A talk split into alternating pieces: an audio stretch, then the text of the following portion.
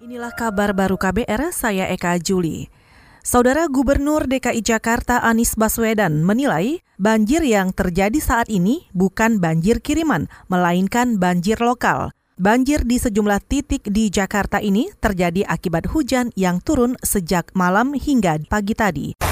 Tadi pagi pada pukul uh, 5.50 menjelang pukul 6 pagi, di situ puncaknya masuk ke siaga 1. Uh, saat ini jam 90 sudah di sudah turun sekarang di siaga 2. Jadi uh, air yang ada di sini kalau Anda lihat itu tidak ada tidak banyak sampah. Artinya itu air lokal. Dan karena air lokal tidak bergolak, uh, jumlahnya memang cukup besar karena itu sampai pada siaga satu bukan air kiriman.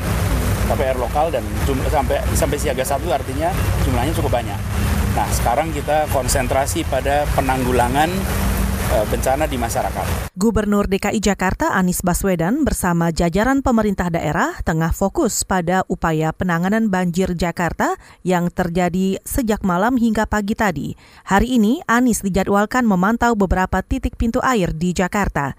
Menurut gubernur, banjir kali ini berdampak pada lebih dari 200 RW dari total 2 ribuan RW yang ada di Jakarta.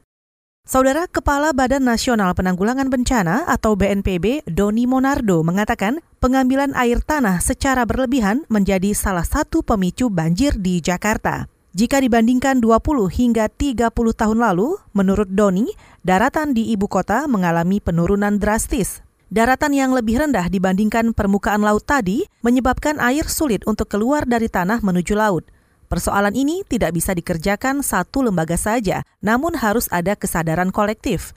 Untuk mengatasi itu, Doni menyarankan agar pihak-pihak terkait memberdayakan lebih banyak lagi mesin pompa, sehingga air bisa dialirkan ke laut. Selain itu, penanaman vegetasi atau tanaman tertentu di pinggir pantai Jakarta masih diperlukan sebagai salah satu upaya mitigasi bencana karena dapat menyerap air. Masih soal banjir, saudara? Pengusaha depo kontainer menyebut banjir yang melumpuhkan sebagian ruas jalan di Jakarta pada Selasa hari ini sebagai yang terparah di tahun 2020.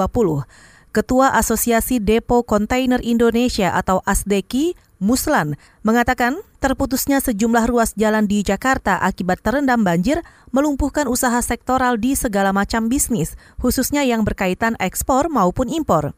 Meski belum mengkalkulasi secara akurat dampak kerugian materi yang diderita oleh 43 pengelola depo kontainer di Jakarta, namun Muslan memperkirakan kerugian terkecil mencapai miliaran rupiah. Dan kerugian itu dihitung berdasarkan pergerakan kontainer yang mencapai rata-rata 5.000 unit per depo di Jakarta dalam satu hari. Saudara, demikian kabar baru. Saya Eka Juli.